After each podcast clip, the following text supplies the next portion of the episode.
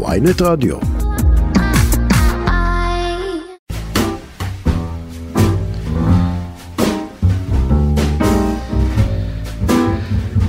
שלום וברוכים הבאים לטריילר, התוכנית הקולנועית השבועית של ynet רדיו, התוכנית שבה אנחנו מדברים על סרטים מכל הסוגים, כל הארצות וכל הז'אנרים. והשבוע, כמו בכל שבוע, אנחנו מבקרים קרוב ורחוק, כאן בישראל, של הכאן ועכשיו, וגם בקצוות העולם, דרך הקולנוע. ומה הדרך הכי טובה לעשות את זה, אם לא עם במאי ישראלי? לגמרי מכאן, שזכה בפסלון הכי חשוב שאפשר לזכות שם, כן, אני מדבר על האוסקר, ועכשיו מביא את אחת הדמויות החשובות שכל אחד כאן מכיר משיעורי היסטוריה, ומגלידת גולדה, אל קדמת הבמה העולמית בברלין. אז זו גאווה גדולה לארח פה את זוכה האוסקר גיא נתיב, לראיון ראשון כמעט בעולם, שמוקדש בין היתר לסרט החדש והסופר מסקרן שלו, שיוצג מחר בפסטיבל הקולנוע ברלין, גולדה, עם זוכת האוסקר אלן מירן. וזו הפעם הראשונה שנזכה להצצה לפרויקט המסקרן הזה לציון, אה, ושמגיע אוטוטו עם ציון 50 שנה למלחמת יום כיפור, אז זו גם הזדמנות לדבר עם גיא על חורבן הבית, על ישראל של אז ועכשיו ועל ליאונרד כהן. מה עוד? אורח מיוחד שני שיגיע לכאן בחלק השני של התוכנית הוא ידידי, מבקר הקולנוע בעצמו, רון פוגל, שידבר על הקולנוע שהוא לכאורה הכי רחוק מכאן, קולנוע קוריאני. אבל אחרי ההצלחה של פרזיטים ומשחקי הדיונון, דרום קוריאה זה כבר ממש לא רק קולנוע קשה, פינת נזכרנו בכם כשיש ברדיו Gangnam Style. אנחנו ננצל את העלייה לאקרנים של אחד הסרטים המשובחים של השנה, החלטה לעזוב של צ'אן ווק פארק, כדי לדבר על סוד הקסם של הקולנוע הזה. אז לסיכום אנחנו פה בין סאול, ברלין, ירושלים, לוס אנג'לס ותל אביב, זה יהיה המסע בתוכנית שלנו. אני רוצה לתת קרדיטים לעורכת שלי, טס גדות. וזהו, טריילר, אנחנו מתחילים.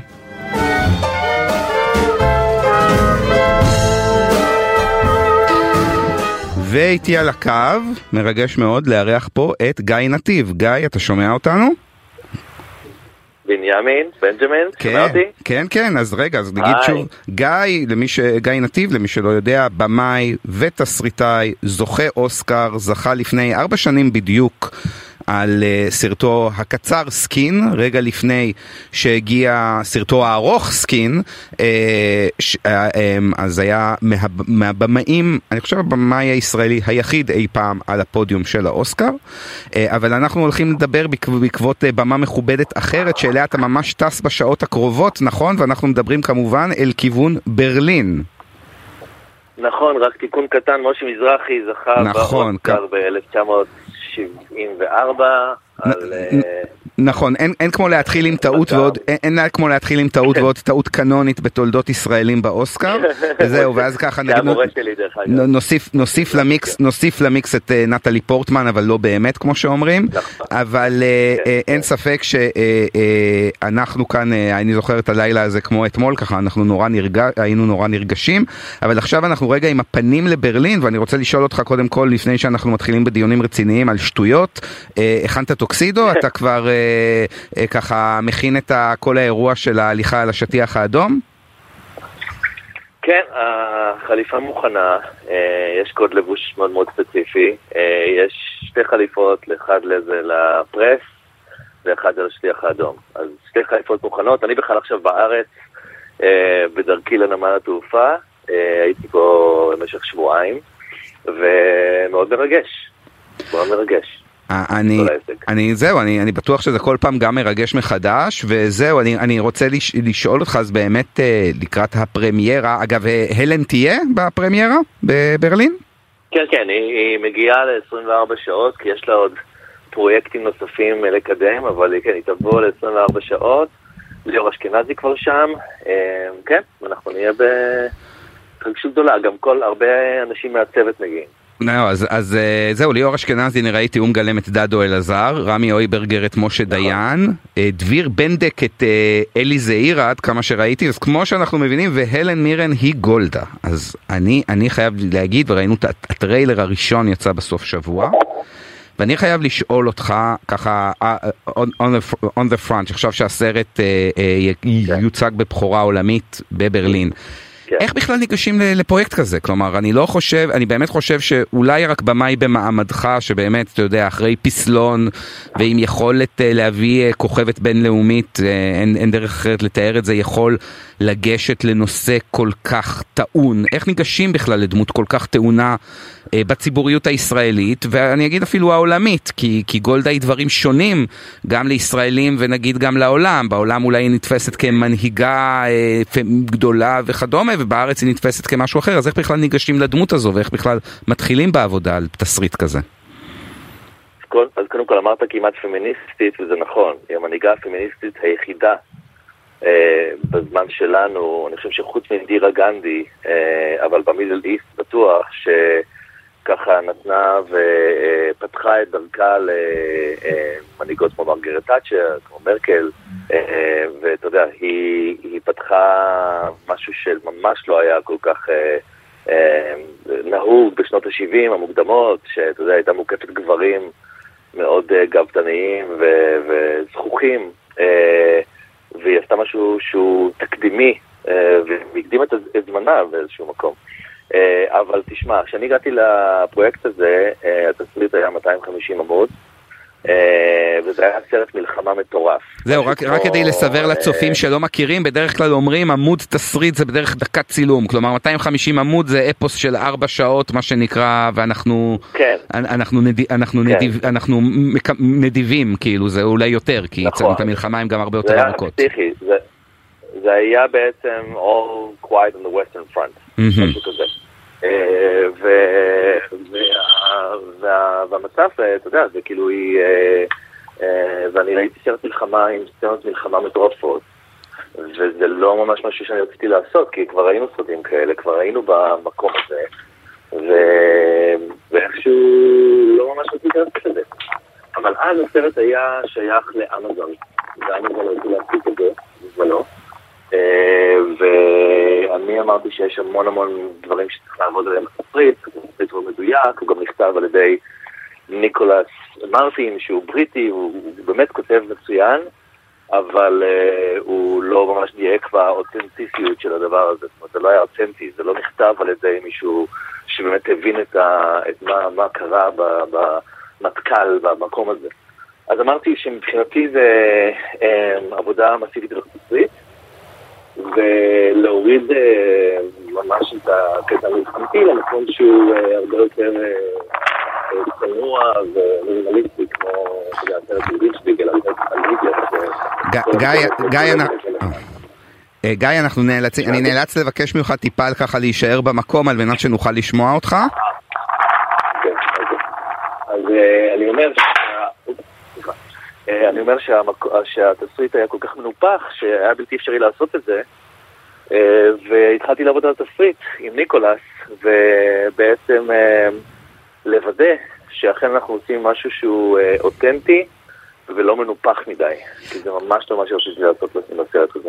אז אני שנייה, אני, אני שנייה הולך לכיוון, כלומר אתה בעצם כן. צמצמת ממשהו שנניח התחיל כמו, ושוב לא בהכרח כסדרה שעת נעילה נקרא לזה, וסיימת במקום בדיוק. שהוא יותר קרוב ללינקולן של ספילברג נניח, שלוקח נכון אפיזודה אחת מתוך הסיפור של גולדה אה, אה, ועושה משהו יותר אינטימי, נכון? נכון. שזה יותר character piece מאשר אפוס מלחמתי אה, שראינו כבר הרבה ממנו. אה, וזה גם לא מה שרציתי לעשות, אני רציתי לספר את סיפורה של אה, אישה, אה, אתה יודע, ממש לקחת אה, איזה dive מתחת לעור שלה. אה, וזה מה שבסופו של דבר אה, קרה, זאת אומרת, אה, אה, אמזון ירדו מהפרויקט, כי הם רצו משהו יותר מסיבי. וה... המפיק וניקולס מרטין אמרו לי, אוקיי, בוא, נעשה, בוא נחשוב עכשיו איך אנחנו הופכים את זה לסרט של 15 מיליון דולר ולא של 80. אה, אני חושב שחייב לציין שהתהליך היה תהליך מאוד uh, מעניין, כי כשאתה מצמצם, כשאתה הופך את זה למשהו הרבה יותר uh, מינורי וקצת uh, uh, אפילו קלסטרופובי, זה פותח קולנועית מקומות יותר מעניינים בשבילי. אמ, זה, זה, זו שאלה באמת, אני, אני שוב, אני, הדרך, הדבר היחיד שאני יכול להתרשם ממנו זה באמת הטריילר והחומרים בעצם שמראים שזה כמעט אה, מה שנקרא יצירה קאמרית במובן הזה שזה קורה בחדר ובאמת בדיונים ולפחות גם מהתיאורים שלך זה נראה כמו סרט שהוא סרט באמת יותר על המקום של גולדה בקבינט בזמן המלחמה. אה, ועדיין נכון.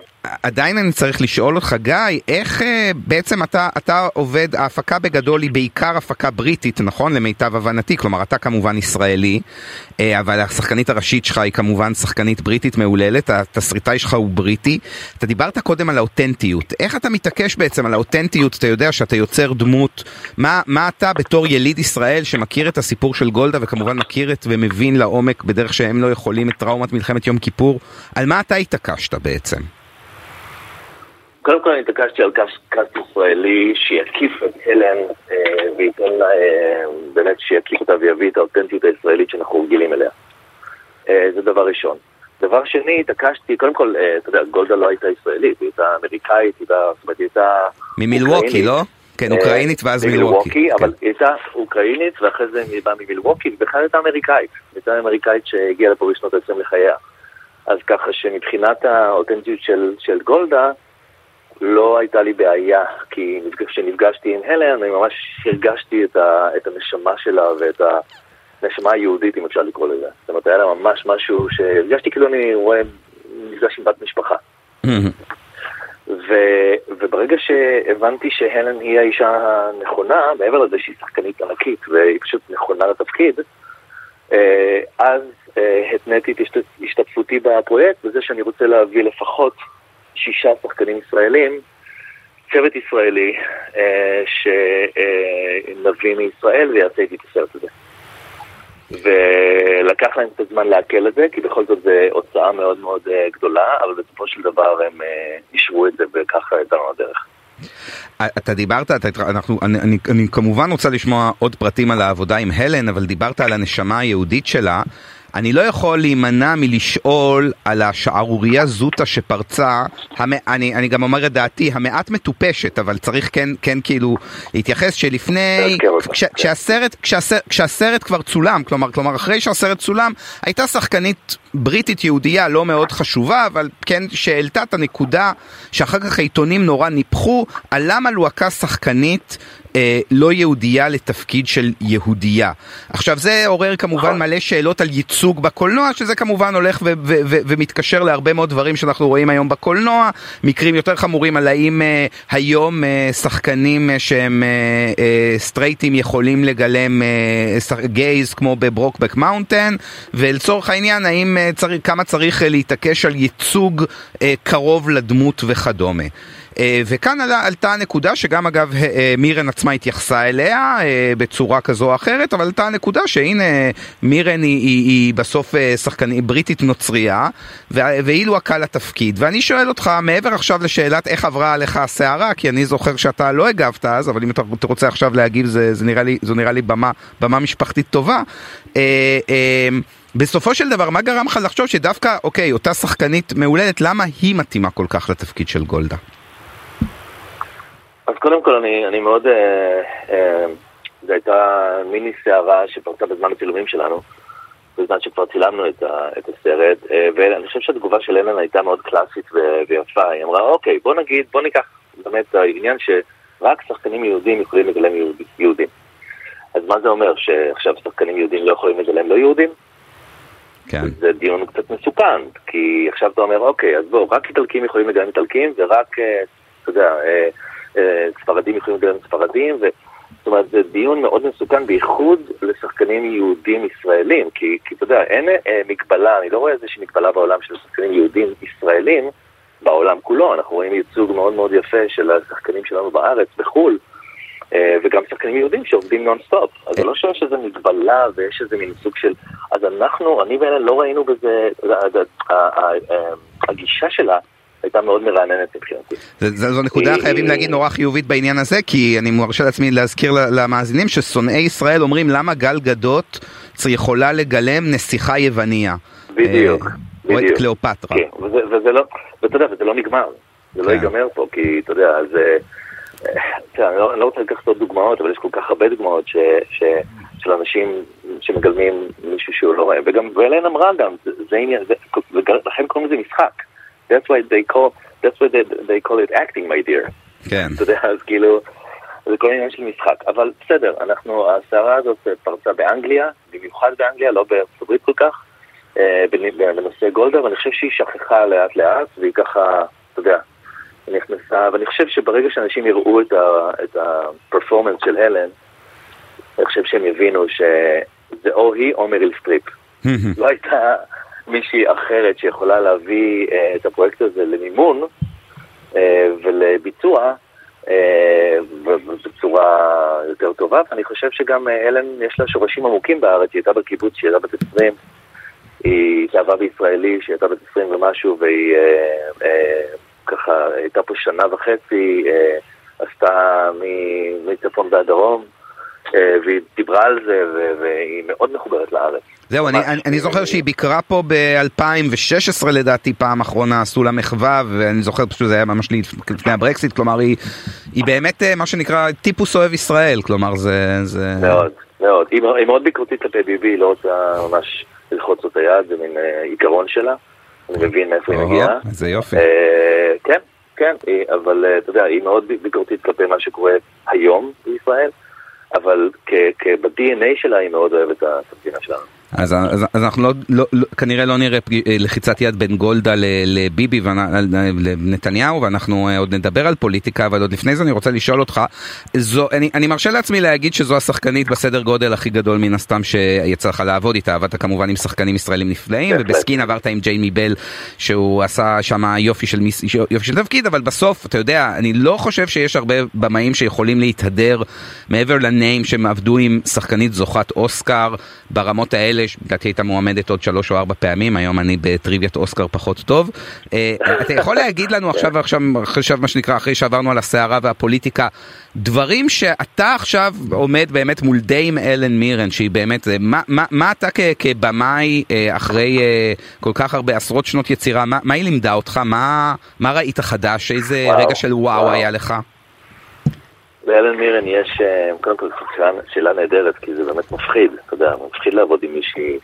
לאלן מירן יש אה, אה, מין משפט כזה שהיא תמיד אומרת, אה, שיש לה מנטרה mm-hmm. אחת בתור שחקנית. be on time and don't be an asshole. וזה כל כך נכון, היא כל כך עומדת מאחורי המנטרה הזאת, כי היא הכי נחמדה בעולם. הכי נחמדה בעולם, היא כאילו במאית של, שחק... של... היא שחקנית של במאים. כן. והיא תמיד בזמן, מגיעה בול בזמן, עושה את כל, היא עובדת מאוד קשה והיא נורא דדיקייטד ונותנת כבוד לכולם, אפילו לצוות שהייתה שם, ב... ב... שהביאה לה מגבות בתור האחות שלה, היא אמרה, אולי ניתן לה איזה קלוזאפ קטן, מה אתה אומר? כזה היא מאוד, מאוד caring והיא מאוד, אתה יודע, היא אנושית מאוד, וזה בא לידי ביטוי גם באיך שהיא מגלמת את גולדה. גולדה האנושית, גולדה המיוסרת, גולדה החזקה, גולדה המצחיקה, אתה יודע, היא, היא מביאה layer ים שידענו שיש לגולדה, אבל לא ידענו איך זה נראה, כי היא כל הזמן הייתה על שטר של 50 שקל, ולא ממש בקולנוע אה, בשר ודם. אני חושב שזה מה שיפה אצל הלן, היא, היא מביאה לייר של חוכמה, והיא מייצרת דמות אה, אהובה, גם אם היא מאוד מורכבת, ויש הרבה בעיות איתה. אז אני רוצה, אתה רוצה. אז היה תענוג לעבוד איתה. אז אתה מדבר רגע על הבעיות, אני רוצה לשאול אותך, אני, אני, אני לא, לא יודע מן הסתם, אני אולי אתה גם לא יודע מתי הסרט יוצג בארץ, אבל אני, אה, אה, אה, אתה חושש מעכשיו תגובות בישראל לדמות הזו, אני ככה ניסיתי לגעת בזה קצת בהתחלה כשאנחנו מדברים, אתה יודע, כי גולדה היא בסוף דמות כאן מאוד טעונה.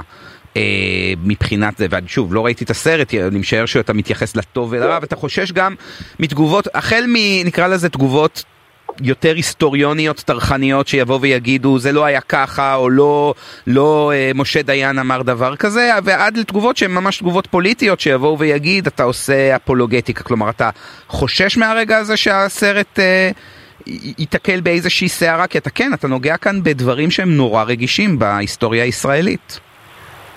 מאוד, מאוד רגישים. בייחוד, אה, אני כל הזמן אומר שמלחמת יום כיפור זה הווייטנאם שלנו. אה, אני יודע שאני אקבל תגובות. מצד שני, בעבודה על הסרט, אני נפגשתי עם אה, אנשים שהם גם war veterans, mm-hmm. גם גיבורי מלחמה, וגם עם מרול מדזיני, הבן אדם היחיד, ואדם שניר. אז מרול מדזיני היה הפרס סקרטרי שלה, שהוא mm-hmm. עדיין בחיים, הוא בן 90, והוא נותן הרצאות, הוא איש מדהים. והוא נתן לי את, ה, את, ה, את הכניסה פנימה למי היא הייתה בחדרי חדרים.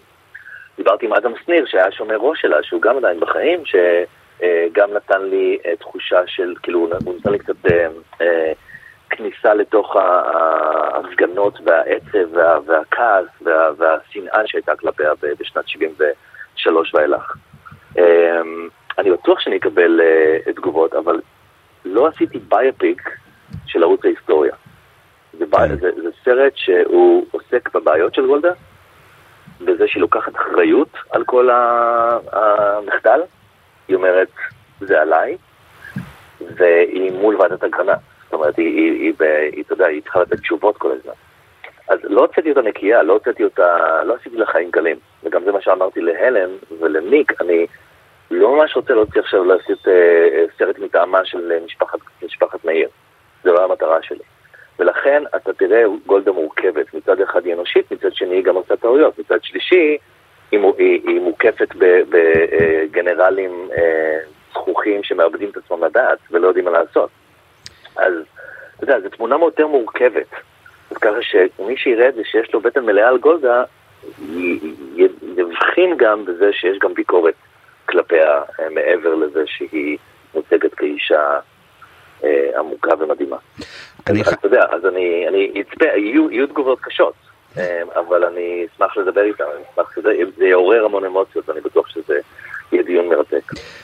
אני, אני חייב, גיא, לסיום, להחזיר אותך רגע ארבע שנים אחורה, אחרי שזכית באוסקר, מעבר עכשיו לאנקדוטות, כל האנקדוטות הנחמדות, אני זוכר תגובה של אחת שהייתה שרת התרבות, מירי רגב, והיא כמובן שיבחה והיללה אותך, ואז אמרה שהייתה שמחה אם תחזור לעשות קולנוע בארץ. אמ, ושוב, אתה בדרכך ממשיך לעשות סרטים שעוסקים בקיום שלנו פה, אבל לא בארץ. אני חייב לשאול אותך, האם אחרי, עכשיו שאתה רואה כל מה שקורה ברחובות, וכל מה שקורה בתרבות הישראלית, והמאמצים לסגירת התאגיד, ועוד דברים, אה, אתה אה, מקבל תחושה שזו מדינה שרוצה שבמאי המצליחים בעולם ישובו וייצרו בישראל? לא, ממש לא, ואני חושב שיש אה, פה שני אספקטים, כן? יש פה את האספקט של במה זה המכתב השערורייתי הזה, שהצהרת נאמנות שהיה צריך לחתום עליו, אני יצאתי כנגד הדבר הזה ביחד עם חגי לוי וארץ אדמו"ר ובימאים אחרים. זה משהו שערורייתי שאף אחד בעולם בכלל לא, לא מצליח להבין אותו. רק נגיד הצהרת נאמנות שרוצה מיקי זוהר, שר התרבות הנכנס, שכל יוצר אה, או כל קרן יצהירו בפתיח, בפתיחת הפקת סרט. נכון, לחתום, אה, אז זה אחד, שזה דבר שערורייתי מבחינתי. דבר שני, מה שקורה עכשיו עם אה, בית המשפט והרמיסה האגרסיבית של, של, של ביבי, מול הדבר הזה, זה פשוט נורא ואיום, זה, אנחנו פשוט מאבדים את אה, דעותינו דמוקרטיים, וכמדינה דמוקרטית אנחנו עוברים למשטר טוטליטרי של שליט על. אני אתמול הייתי בהפגנה עם ארז ועם עוד בימאים ועם עוד חברים, והיה מאוד uh, מדרבן לראות איך כולם, אתה יודע, יוצאים החוצה ואכפת להם. מצד שני, אתה יודע, אי אפשר לדעת מה יקרה אם אנחנו נהפוך ל... ל... אתה יודע, הונגריה. אה, וזה מאוד מאוד מטריד. אה, ואני חושב שאתה יודע, כששואלים אותי איך, איך, אה, איך גולדה מאיר הייתה מגיבה היום, אם היא הייתה רואה את מה שקורה, אני תמיד אומר, היא הייתה מעדיפה לחזור לקבר. כי היא שמה את מבטחה בבית המשפט בצורה מלאה, היא הייתה אישה ישרה, צנועה, ושום דבר למה שמזכיר את המנהיגים שלנו היום. אז אתה יודע, אנחנו נצא לרחובות ולהילחם, להילחם, וכל עוד אני בא לביקורים לפה, אני גם אעשה את זה עם החברים שלי ועם המשפחה שלי. כי עדיין אכפת לי. אמ, אז אה, גיא, אה, אנחנו כאן לצערנו לא נוכל עוד לדבר על תער ונאלץ לסיים, אנחנו ניפרד עם ליאונרד כן. כהן וכמובן עם המשמעות כל מי שיודע לגבי מלחמת יום כיפור. אני מאחל לך ולקיבוצניקית אלן מירן הצלחה תודה. אה, בברלין והצלחה תהנו בשטיח האדום. רבה. אה, וזהו, ולזכור שלהיות אה, נגד הממשלה זה לא להיות נגד המדינה. אז אה, תודה רבה, גיא. בדיוק. נכון, תודה רבה לך. תודה.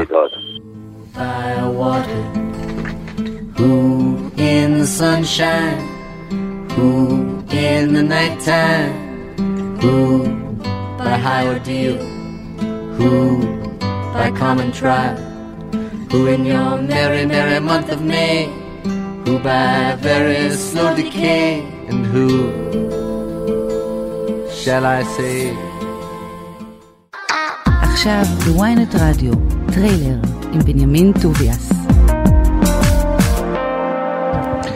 אוקיי, אז אנחנו חוזרים כאן עם אורח מיוחד באולפן, אה, רון פוגל, מבקר קולנוע ומרצה לקולנוע. מה, מה, מה שלומך? שלומי טוב. ורון אני אגיד, הוא קודם כל הוא סוג של מרצה איש רנסאנס, הוא מרצה על כל הסוגים של הקולנוע, אתם יכולים אה, לתפוס אה, אה, הרצאות שלו, אני מקווה שאני לא מעוות מדי, אבל על שון קונרי וקלינט איסטווד, אני בטוח שעשית, ועל נשיאים אמריקאים, אבל פינה חמה בלב יש לך לקולנוע קוריאני. נכון. אמ, ואני רוצה, עכשיו אנחנו כמובן מדברים בעקבות סרט שיצא השבוע לאקרנים, סרט מצוין שאנחנו נדבר עליו, נקרא Decision to Leave, החלטה לעזוב, של צ'אן ווק פארק, אחד מהבמאים הקוריאנים הגדולים, אבל אני רוצה לשאול אותך קודם רון, למה קולנוע קוריאני ו- ו- ובאמת לקהל שכאילו אולי חלק מהמאזינים שעבורם קולנוע קוריאני זה אולי הם שמעו שפרזיטים זכה באוסקר פלוס שצריך לראות את משחקי הדיונון מה יש בקולנוע מהמדינה הכל כך רחוקה הזו שהוא uh, כל כך יוצא דופן? אנחנו הרי לא מדברים על קולנוע פיליפיני יותר מדי או תאילנדי למרות שגם שם יש במאים חשובים.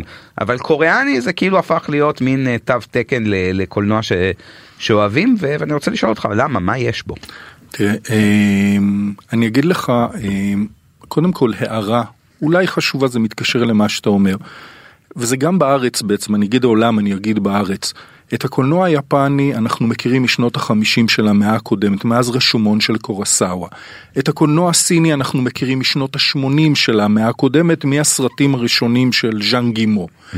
הקולנוע הקוריאני בעצם פורץ לעולם רק בסוף, ב-1999, זה פחות מרבע מאה, ותחשוב מה הם הספיקו ברבע המאה הזאת, שהשיא הוא זכייתו של פרזיטים בכל פרס אפשרי, זה הסרט הלא דובר אנגלית הראשון, שזוכה בפרס הסרט הטוב ביותר באוסקר, ולוקח את כאן וכולי וכולי, והם אה, זוכים ביותר ויותר פרסים בשנים האחרונות. אה, אני ב-2011 ארגנתי את שבוע הקולנוע הקוריאני הראשון בישראל, זה שבע שנים לפני פרזיטים, ראיתי איזה סרט קוריאני בכבלים ואמרתי, תשמע, לא ראיתי דבר כזה עד היום, אני חייב לראות מה, זה, מה זאת התעשייה הזאת. בעיניי הקולנוע הקוריאני מייצג את השיא של הקולנוע האסייתי בימינו, כלומר, גם הווליום של הרגשות הוא מאוד עז, ובלי בלי מסננים שבדרך כלל אתה רואה בקולנוע המערבי, והוא מאוד רב-מימדי. גם בסרטי האקשן והז'אנר, שאתה מצפה לדברים די צפויים, אתה מקיים יחסי אהבה שנאה עם הגיבורים, העלילה היא בדרך כלל מאוד מורכבת, יש טענה שהקולנוע הקוריאני הוא ארוך מדי, גם הסרט הזה הוא שעתיים ושמונה עשרה דקות, ויש כאלה שהסרט היה להם אפילו, אני זוכר בקאן שראיתי את הסרט, אמרו וואלה קצת ארוך לי, קצת כבד לי מדי הסרט Decision to Live, ו... אה, תראה, להגיד שהם שברו את התבנית והרכיבו אותה מחדש, אולי זה קצת יומרני וקלישאי, אבל החבר'ה האלה, כמו שהיינו פעם אומרים, made in Japan, היינו צוחקים שזה סוג טרנזיסטור סוג ד', הקוריאנים התחילו לאט לאט, הם למדו, אה, הם לקחו גם מאסיה, גם מאירופה, גם מאמריקה, הם חיברו את זה ביחד לפי גם האקלים התרבותי שלהם שהיה אה, פוליטי מאוד הפכפך, זו מדינה שרק ב-88 הקימה משטר נשיאותי סמי דמוקרטי, לפני זה היה שם בעיקר שלטון גנרלים ושלטון דיקטטורי, נגיד את זה ככה. החופש, כמו שאנחנו מכירים במערב, פחות קיים שם, אבל הם אומה חופשית יחסית חדשה. היו המון שינויים פוליטיים השנים, ולכן הרבה פעמים גם משווים אותנו אליהם. ב-back of the mind נמצאת העובדה שחצי שעה נסיעה מסיאול אתה באזור המפורז, ויש להם מצב מלחמה עם צפון קוריאה.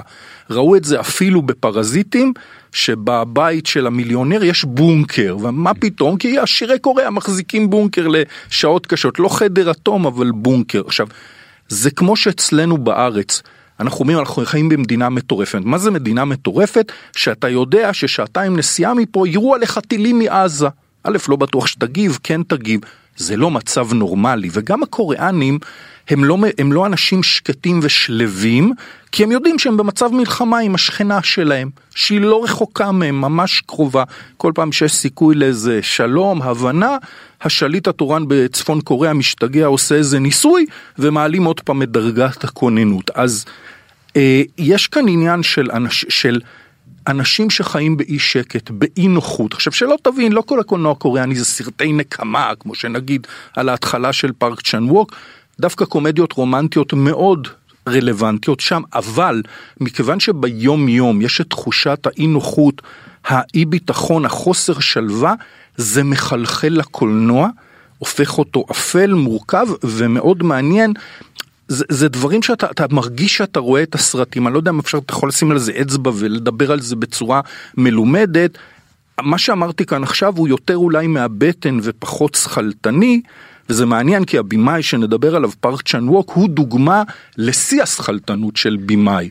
ששולט ב-200% בסט שלו ובכל פריים, אתה יכול לראות את הסרט הזה חמש פעמים וכל פעם לגלות עליו משהו חדש. אז אני, אני חושב ששמת פה, נתת פה הרבה אינפורמציה בעצם גם על ההתפתחות. קודם כל צריך להגיד, הקולנוע הקוריאני, שאנחנו מכירים זה קולנוע עכשווי, כלומר זה באמת, נכון. אני זוכר, מי, מי, מי שקצת חובבי קולנוע עכשוויים צעירים, רק באמת אתה אומר 99 בתחילת שנות האלפיים לפתע זה הופך להיות כזה היה את שבעת צעדים נכון. והיה אה, סרטים של קים קידוק מהצד השני שהיה מאוד פופולרי שהיה מאוד בארץ. פופולרי בארץ אביב סתיו חורף ולפתע זה הפך להיות מין אה, מין אה, זרם כזה של כי, כי, אף אחד לא ראה את זה באמת בא כלומר באמת אה, מצד שני.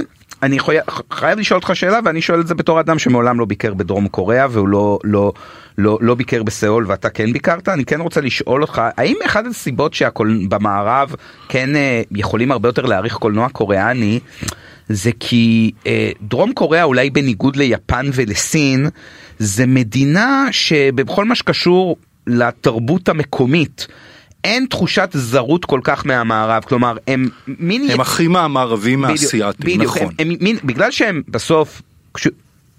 בגלל שהם בסוף, אה, אה, אה, ושוב, לא, לא נלאה כאן ב, בהיסטוריה של דרום קוריאה שהיא מרתקת, אבל בסוף הם סוג של יציר כלאיים, הם מדינה שנוצרה בפשרה בעצם אה, בין, אה, בין אה, ברית המועצות לבין אה, קו הרוחב ה-38, והם כן. כמה שאמרת חיים על פי תהום, ואפשר להגיד מדינה שנוצרה במקרה בזה, וכמו שכולנו יודעים, היום מה זה דרום קוריאה בעיקר לרוב האנשים, זה מכוניות וסמסונג, כלומר הם נוצרו כיצואנים של טכנולוגיה טובה למערב.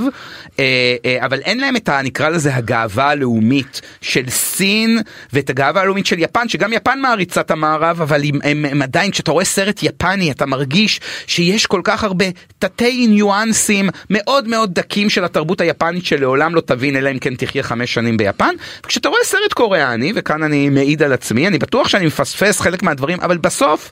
זה, זה נראה כמו משהו שיכול לקרות בארצות הברית, יכול לקרות אפילו בישראל, כלומר לא בכדי כשאהרון קשלדס ונבות פפושדו עושים בארץ את מי מפחד מהזהב הרע, זה נראה כמו סרט קוריאני בעברית, כי זה מתרגם מאוד טוב, זה אפשר להבין מה קורה, זה קולנוע מגניב בינלאומי. נכון, מאוד קול הקולנוע הזה, דרך אגב, אה, מ-2005-2006 בערך, אה, עשו הרבה מאוד סרטים היסטוריים בקוריאה כדי לשחק על הגאווה הלאומית שלהם. אחד הסרטים הכי פופולריים נקרא אדמירל, על איזה גנרל שהביס את היפנים ב-1500 ומשהו, הפסל שלו נמצא באמצע סאול, אז הם עושים גם הרבה סרטים היסטוריים בארץ מתים אבל זה על- יותר לפנים, נכון? כי לחוץ זה... זה פחות אבל בארץ למשל ההיסטריה עם, הקו, עם הטלוויזיה הקוריאנית התחילה עם הדרמות התקופתיות Mm. כי הן עשויות פשוט מדהים והמון ישראלים התאהבו בזה ואז פתאום התחילו ללמוד קוריאנית ושמעו קצת על קוריאה והקולנוע אה, והכל התקדם קדימה והיום אנחנו תשמע. לא הופצו כאן מסחרית מעבר לקים קידוק כמעט סרטים קוריאנים, עשרה, חמישה עשר, בכל שנות האלפיים, זה כלום. המ- המפיצים, ותאמין לי שאני מדבר עם רובם, מאוד חוששים להביא לפה בגלל מחסום השפה, בגלל שאלה סרטים מורכבים. אה, שבעה צעדים של פארק צ'אן ווק החזיק שבוע בקולנוע. הוא סרט לא קל לצפייה, אתה לא יודע מה נופל עליך. כשאתה רואה את הסרט הזה, אתה יורד איתו מה זה עמוק למחילת הארנב, במערב אתה לא מצפה לסרט כזה. מצד, מצד שני שבעת צעדים או אולדבוי נגיד אני נתקלתי בו בלימודי הקולנוע שלי אמנם זה היה בשנים שהוא יצא נתקלתי בו לפחות שלוש פעמים כלומר אתה אולי צודק של הקהל של ו, וגם מאז דברים השתנו מאז נכון. יש יותר סינמה סיטיז ויותר במות אבל אבל. אה, אה, אתה צודק באמירה שלך שכאילו עם היציאה נורא חוששים מהסרטים האלה אולי הם לא צריכים להגיע לקהל רחב יוצא הדופן הוא פרזיטים שגם עליו נדבר אבל אה, מה שבאמת קורה זה שהסרטים האלה יש להם מתחיל קצת כמו אני אומר דיברנו לפני שבועיים אה, אה, שבועיים על סרטי זומבים פה וקצת כמו סרטי זומבים אולי אין לזה הצלחה באותו רגע בקהל הרחב שהולך ומחפש כי זה באמת לחובבים אבל יש לסרטים האלה מה שנקרא רגליים כלומר יש להם חובבים מאוד מאוד גדולים לאורך הזמן בבתי הספר לקולנוע אנשים שרואים ומתרשמים שם משוטים לולייניים נורא נורא מפוארים ומעלילות נקמה מורכבות. כן, אני יכול רק להגיד לך שכשהייתי בפסטיבל הקולנוע של בוסן שהוא הכי גדול באסיה בוסן זאת עיר נמל בקוריאה מה שמצא חן בעיניי בניגוד לפסטיבלים בארץ הגיל הממוצע שראיתי הוא 17-20. זה היה רוב הקהל שבא לראות סרטים. זאת אומרת הקוריאנים הצעירים מאוד אוהבים את הקולנוע האסייתי המקומי ועוד דבר אה, גם קוריאה היא מקרה מאוד מעניין דיברת על גאווה לאומית או חוסר שבמשך שנים וזה עד היום ככה הסרטים הכי פופולריים בקוריאה הם הקוריאנים, לא טיטניק ולא הארי פוטר, תמיד הסרטים הקוריאנים במקום הראשון. מה שאומר שהקהל מאוד מזדהה עם הסרטים, זאת אומרת יכול להיות שאליו זה באמת מדבר יותר עם כל מיני ניואנסים, כמו שאת אה, מיאזקי אולי אף פעם לא נבין את כל עולם הרוחות שלו, אז הם קוראים יותר את השטח, אבל אה, פרזיטים הוא, הוא דוגמה לסרט קוריאני שפשוט נגע בעצב אוניברסלי, הפריבילגים העשירים שיש להם מול אלה שאין להם, שרוצים לסדר את אלה שיש להם. זה כמו משולש של עצבות, לכן הסרטים האלה הצליחו הרבה מעבר למולדתם, לכן שניהם זכו בדקל הזהב בכאן. ופרזיטים באמת היה הבום הגדול שכולם אמרו בואנה, דרום קוריאה, יש שם קולנוע, בוא, בוא נראה מה קורה שם, וזה עוד קרה, זה מעניין אגב, שגם פרצ'ן ווק וגם בונג ג'ונג הו בילמו מעבר למולדת שלהם, ופחות הצליחו מאשר בקוריאה, כי, כי זה אחרת, מתייחסים לבימאי אחרת, זו שיטה שונה. אגב, חייבים להזכיר למאזיננו ש... כמו בהוליווד, זו תעשייה שמפיקה כ-150 פיצ'רים עלילתיים בשנה, ועוד 150 תיעודים, ויש שם אולפני קולנוע. בארץ אין בדיוק את זה, אבל זאת ממש תעשייה, תעשייה לגיטימית לגמרי כמו בארצות הברית. אז אה, אנחנו, אתה התחלת להזכיר את השמות, אה, אני באמת רוצה אה, להגיע בעצם לשאלה, אני רוצה רגע להגיע לשאלה. אתה אומר לגבי, זו נקודה רגע מעניינת שהבמאים הקוריאנים הם אה, לא כל כך, הם לא מצליחים כשהם יוצאים מחוץ לארצות הברית, אגב זה, זה, זה, זה נקודה מעניינת מאיזה מדינות מצליחים ואיזה לא, אתה רואה שבמאים גרמנים נורא מסתדרים בהוליווד היסטורית וצרפתים לא כל כך, כלומר צרפתים שהולכים להוליווד לא מצליחים, אז יש תרבויות שבהם זה מצליח ויש תרבויות שזה לא, והם נורא מצליחים בשפה ובדבר שלהם, מצד שני יש להם תעשייה וזה שוב זה משהו שווה להדגיש, זה לא תעשייה כמו הקולנוע, שוב הקולנוע הישראלי זו דוגמה טובה, שה... באמת המדינה מסבסדת ואז אולי הולכים או לכיוונים נורא אומנותיים או לסרטים שלא נתמכים בכלל כמו לשחרר את שולי אלא ששם באמת יש ז'אנרים ויש להם אהבה גדולה נכון. לז'אנרים ולקולנוע צעיר. Uh, אתה הזכרת שתי שמות אז בוא נגיד יש את uh, נקרא לזה התאומים של הקולנוע הקוריאני אני קורא uh, יש את צ'אנמוק פארק או תמיד צ'אנמוק פארק במאי של שבעה צעדים אבל הוא גם סימפטי פור מיסטר ונג'ל הנקמה טרילוגיית סרטי נקמה כלומר הוא היה מודגר והוא הבמאי של הסרט הנוכחי החלטה לעזוב שהוא סרט שונה ויש אה, בעצם את מי שבמשך שנים נחשב לסגן שלו נקרא לזה אני חושב שהוא נחשב לסגן שלו כלומר הוא עשה סרטים שגם היו להם חובבים הם היו פחות מצליחים באופן יחסי נקרא לזה יותר uh, הגדילו את המעטפת יותר חקרו כן, גבולות פארק בונג ג'ונג הו בונג ג'ונג הו כן. שהפך בעצם לסנצ... לשגריר של הקולנוע הקוריאני בעולם עם פרזיטים איזה מהם אתה מעדיף? או שזה אבא ואימא כזה. לא לא, בסוף בסוף בסוף את פארק צ'ן ווק. בגלל הסכלתנות שלו, כלומר יש לו יכולת מדהימה לשלב את הראש עם הבטן. אני נורא אוהב את זה. ובונג ג'ונג הו יותר מתפרע. הולך יותר על מדע בדיונים, כזה רכבת הקרח והמארח ואוגג'ה וסרטים כאלה שהם יותר out there. פארק צ'אן ווק, טרילוגיית הנקמה או בסרטים אחרים שלו, לוקח אנשים כאילו מהיום יום, מטיל אותם לאיזה מבוך עכברים ובודק מה, מה יקרה איתם. הוא עשה את זה בצורה מדהימה בטרילוגיית הנקמה, הוא בעצמו אמר שסרט כמו Decision to Live הוא הרבה יותר מתון. מבחינתו, ולכן כאן יש המון שכלתנות, עדיין יש כאן את הרגש המבעבע הזה, עדיין יש כאן לי הסרט, כמו הרבה סרטים קוריאנים, גורם לזוז בכיסא, גורם לפעמים לתחושה של אי נוחות, אתה לא בטוח מה יבוא בהמשך. הקצב משתנה. זה מה, ש... זה מה שיפה בקולנוע כמו התעשייה הקוריאנית, סרטים מפתיעים אותך כל הזמן. אני זוכר, אז, אני... אז הרגע אני כן רוצה להגיד מילה לגבי החלטה לעזוב, כי אנחנו, זה הסרט שלשמו התכנסנו, כלומר מדובר בסרט שהוא שילוב בעצם בין ז'אנרים, אבל בסוף אני, אני, אני בניגוד אליך חושב שאולי הסרט הרבה הכי פשוט שלו הוא סרט על בלש שחוקר רצח הוא חוקר מישהי שכנראה חושבים שהוא רצה שהיא רצחה את בעלה בעלה נפל מצוק הוא, פוג... הוא בעצם חוקר אותה. אה, יש לו את כל הסיבות להאמין שהיא הרוצחת, אבל איכשהו יש לה כל הזמן איזה אליביי שצץ, ואז זה שילוב בעצם בין פין נואר, אה, מאוד אה, קלאסי, כלומר בלש חוקר איזושהי פאם פאטל, אישה שמסובבת אותו, ובאופן יותר מובהק מהרבה מאוד פין נוארים אמריקאים, זה עוד יותר נקרא לזה מלודרמה רומנטית, כלומר סיפור ההתאהבות בין החוקר לבין האיש, בעצם החשודה ברצח, הוא בעצם הלב של הסרט.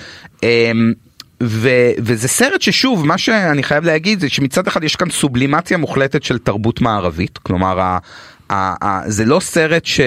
זה סרט ש... שמאוד מזכיר כולל סרטים משנות ה-40 והלאה מדאבל אינדמניטי כלומר מסרטים גם, גם המילה איצ'קוק עלתה כי, כי סרטו סטוקר הוא, הוא מחווה לצל של ספק נכון וגם, וגם כאן יש אנשים שאומרים כן או לא ורטיגו, ורטיגו מופיע, נכון. ורטיגו כלומר באמת הרעיון הזה של חוקר ואישה חשודה שבעצם משגעת אותו אין דרך להגיד את זה גם מבחינה פלילית אבל גם מבחינה רומנטית. והוא עושה את הסרט רק פשוט מעבר לשפה והמיקום הקוריאני קוריאני שזה תמיד קצת מעניין כי תמיד אני אומר סרטים הם בסוף גם קצת טיול לחו"ל אז יש בעצם את הקומה שמעבר. וזה סרט שאני אגיד הוא פחות שגרתי מהבמאי הזה כי הבמאי הזה אה, אה, עד אותה עוד עד הסרט הזה הוא תמיד גם במאי שאוהב נורא לזעזע כלומר אה, נכון. מי שראה את שבעת צעדים אכילת דיונון אכילת דיונון חי בשידור או כמובן לא נגיד טוב כן נגיד כי זה יש שם רגעים גילויי עריות ויש שם ב Sympathy for Mr. Vengeance יש דברים תרומת כליה כמעט בשידור חי כל מיני דברים יש דברים. שאתה אומר שזה כאילו הוא בעצם הבן אדם אולי יותר מכולם שאחראי לסטריאוטיפ קולנוע קוריאני אלה פסיכים אלה פסיכים. אז כמובן שזה גורם לאנשים. אנשים או לרצות ל- לראות או לברוח מזה כל הנפשונה וכאן הוא הולך ועושה סרט שיותר מזכיר נגיד במאים אחרים קצת Burning כזה כלומר סרט שיש בו משהו מעודן כמעט זה סרט שהייתי כמעט רואה מישהו בצרפת עושה. כן זה דרך אגב חייבים להזכיר אם דיברנו על האבות של הקולנוע הקוריאני שבאמת הבמאי הראשון שהיה כאן פופולרי בארץ הוא קים קידוק שכבר כן. נפטר לפני שנתיים מקורונה בגיל כן. 60 והיה לו כל מיני סיפורי מיטו וכאלה אבל הוא ממש בתח... עם אביב קיץ סתיו חורף מגיע וזה וזה הקהל אוהב כי זה קולנוע אקזוטי ולא מדברים הרבה וזה הסטריאוטיפ של הסרט האסייתי הקלאסי ואז הוא ממשיך עוד כמה סרטים שלו מוקרנים בארץ. הוא, ובסרטים האחרים הוא דווקא מופרע יותר. נכון לזה, המופרעים אבל, ביותר כבר אבל, לא הוקרנו כאן דרך אגב. אבל בוא נגיד שאביב סתיו אה, אה, אה, וכרגיל אני תמיד אתבלבל עם השם אביב קיץ סתיו חורף ושוב אביב, אביב כן. ושוב אביב הוא הסרט שהקוריאני הראשון שהיה עד פרזיטים אמרתי קודם פרזיטים על פרזיטים שהיה הצלחה בארץ אבל הוא סרט שהוא לא באמת מייצג את הקולנוע הקוריאני נכון. ברובו הוא נקרא... יותר אומנותי נכון, נכון. הוא בצד האומנותי והוא כמו אלמודובר בספרד יש הרבה חוסר אהבה לקים קידוק בקוריאה והם אומרים הוא לא מייצג אותנו. הוא לא מייצג אבל אם אנחנו עכשיו חוזרים לסרט הזה ולמחשבותיך עליו. תראה, אה, את דיברת על פין נואר אמרו נאו נואר אני לא יודע אם יש הבדל כזה בין פין נואר לנאו נואר בינינו אבל אה, אה, מה שיפה שבאמת הסרט אה, אה, מחלק לצופה המון תופינים תוך כדי מאתגר את הצופה. תשמע, יש שם שוט מתוך סאנסט בולווארד מהבריכה למעלה. כן. הוא אומר לך, אתה מכיר את זה, נכון? אז אני, אני אוהב קולנוע, אני גם משתף את זה איתך. יש שם משפט אחד שרציתי להתייחס אליו בסרט, שבו אומרת הגברת, היא גם מקליטה את זה כי היא סינית במקור הבחורה והיא לא קוריאנית, היא תמיד אומרת השפה שלי לא תמיד מבינים אותי, זה גם על קשר ואיך אנשים מתקשרים ביניהם, המון הקלטות של דברים, המון ראייה דרך מסכים, היא אומרת לו אנשים חכמים אוהבים מים ואנשים נדיבים אוהבים הרים ואני לא אדם נדיב וכל הסרט יש את המוטיבים האלה שכשהם רודפים אחרי הרעים הם עולים בכל מיני עליות. עכשיו אגב, להבדל בין קולנוע קוריאני אפילו סרט כזה לקולנוע אמריקאי כשאתה רואה בסרט אמריקאי בלש רץ אחרי חשוד, הוא תמיד רץ והעניבה שלו, מה זה מסודרת והכל. פה אתה רואה את הבלשים מתים מעייפות והם יש- בקושי יש- תופסים את יש הבן שם אדם. שתי סצנות קורות מצחוק סצנה של- מצחיקה ברמות מטורפות ואתה אומר מה פתאום הוא מכניס את זה? זה בדיוק השטיקים האלה שעושים את הקולנוע הקוריאני לטיפה מיוחד. זה הערת אגב. עכשיו ואז באמת אתה יודע חשבתי על זה גם גם השיר שחוזר בהתחלה ובסוף שגם קשור למים זה ערפל מיסט. אתה לא רואה כאילו בערפל. עכשיו הרים מסתירים לך. למים אתה יכול לצלול, הרים עולים, מים יורדים.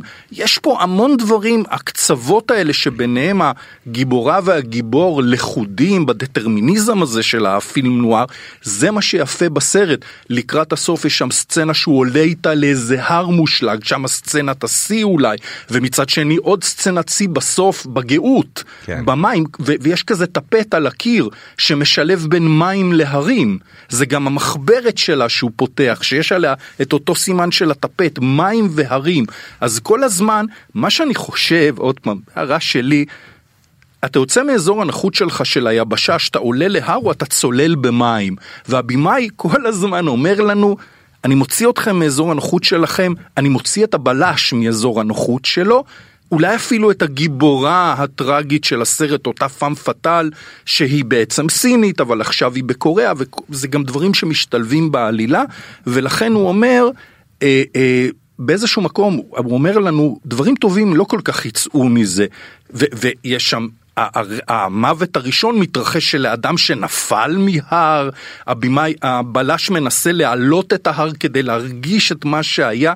כל הזמן זה הרים שזה למעלה ומים שזה למטה, והיבשה פחות אה, מופיעה. אז אני, אני, אני אומר, הס- אני אומר לאנשים שלא ראו את הסרט קודם כל, אני מקווה שכן אנחנו נותנים לכם חשק, תגיד, השיח הוא כאילו עכשיו על הסרט הוא מאוד שכלתני, ומנגד אני חייב להבהיר זה סרט כיף, אז זה מה שכ... שאתה באמת יכול לראות את הסרט הזה כפתרון תעלומת בלש וזה, וכן לראות את הסרט הזה נקרא לזה כפרויקט אה, מבע קולנועי, שאתה באמת חפש את יכול... הביצי ההפתעה, בדיוק, כן. אה, וגם נגיד, אני, אתה אומר על למעלה ולמטה שם גם צריך לזכור גם כשמשער ש, שאם ראיתם סרט קוריאני בשנים האחרונות וזה פרזיטים אז גם בפרזיטים היו את המשחקים האלה בין למעלה ולמטה כל הזמן. המרתף, הבונקר מול הזה, למטה. וזה מה ששוב מאוד נגע באנשים הרעיון של אלה שלמטה ואלה שלמעלה, אלה שלמטה והמבול יורד עליהם והם בעצם תקועים במרתף מול אלה שלמעלה אפילו לא שמים לב לזה למבול הזה.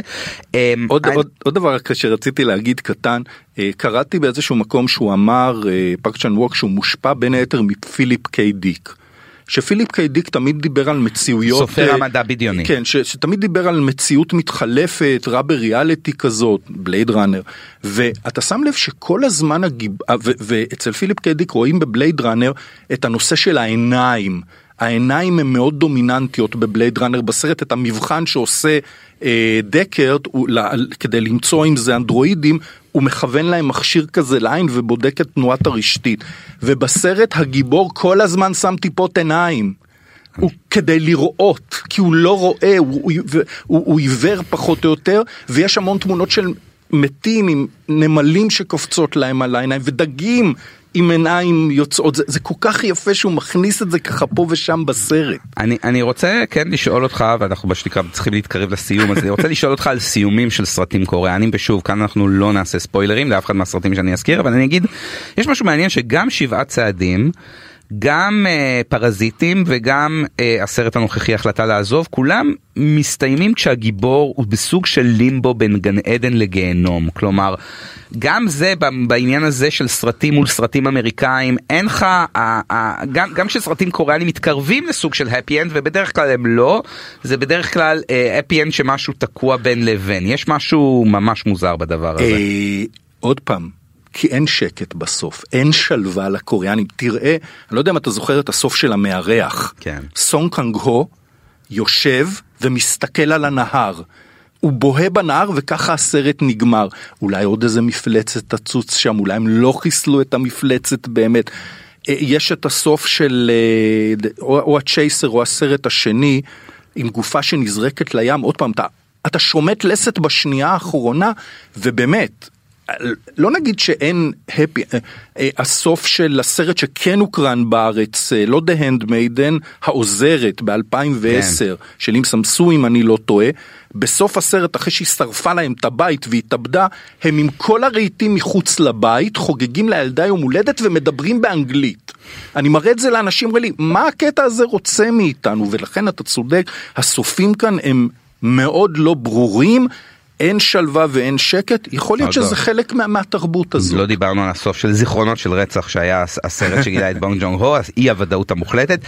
אמ, אני כן אה, רוצה, מה שנקרא, אנחנו נצטרך באמת עכשיו לסיים. אני כן אגיד אה, שני דברים שדיברת, וזה היה קצת שיעור קטן בתעשייה מול היסטוריה, אם אנחנו מסיימים, ש...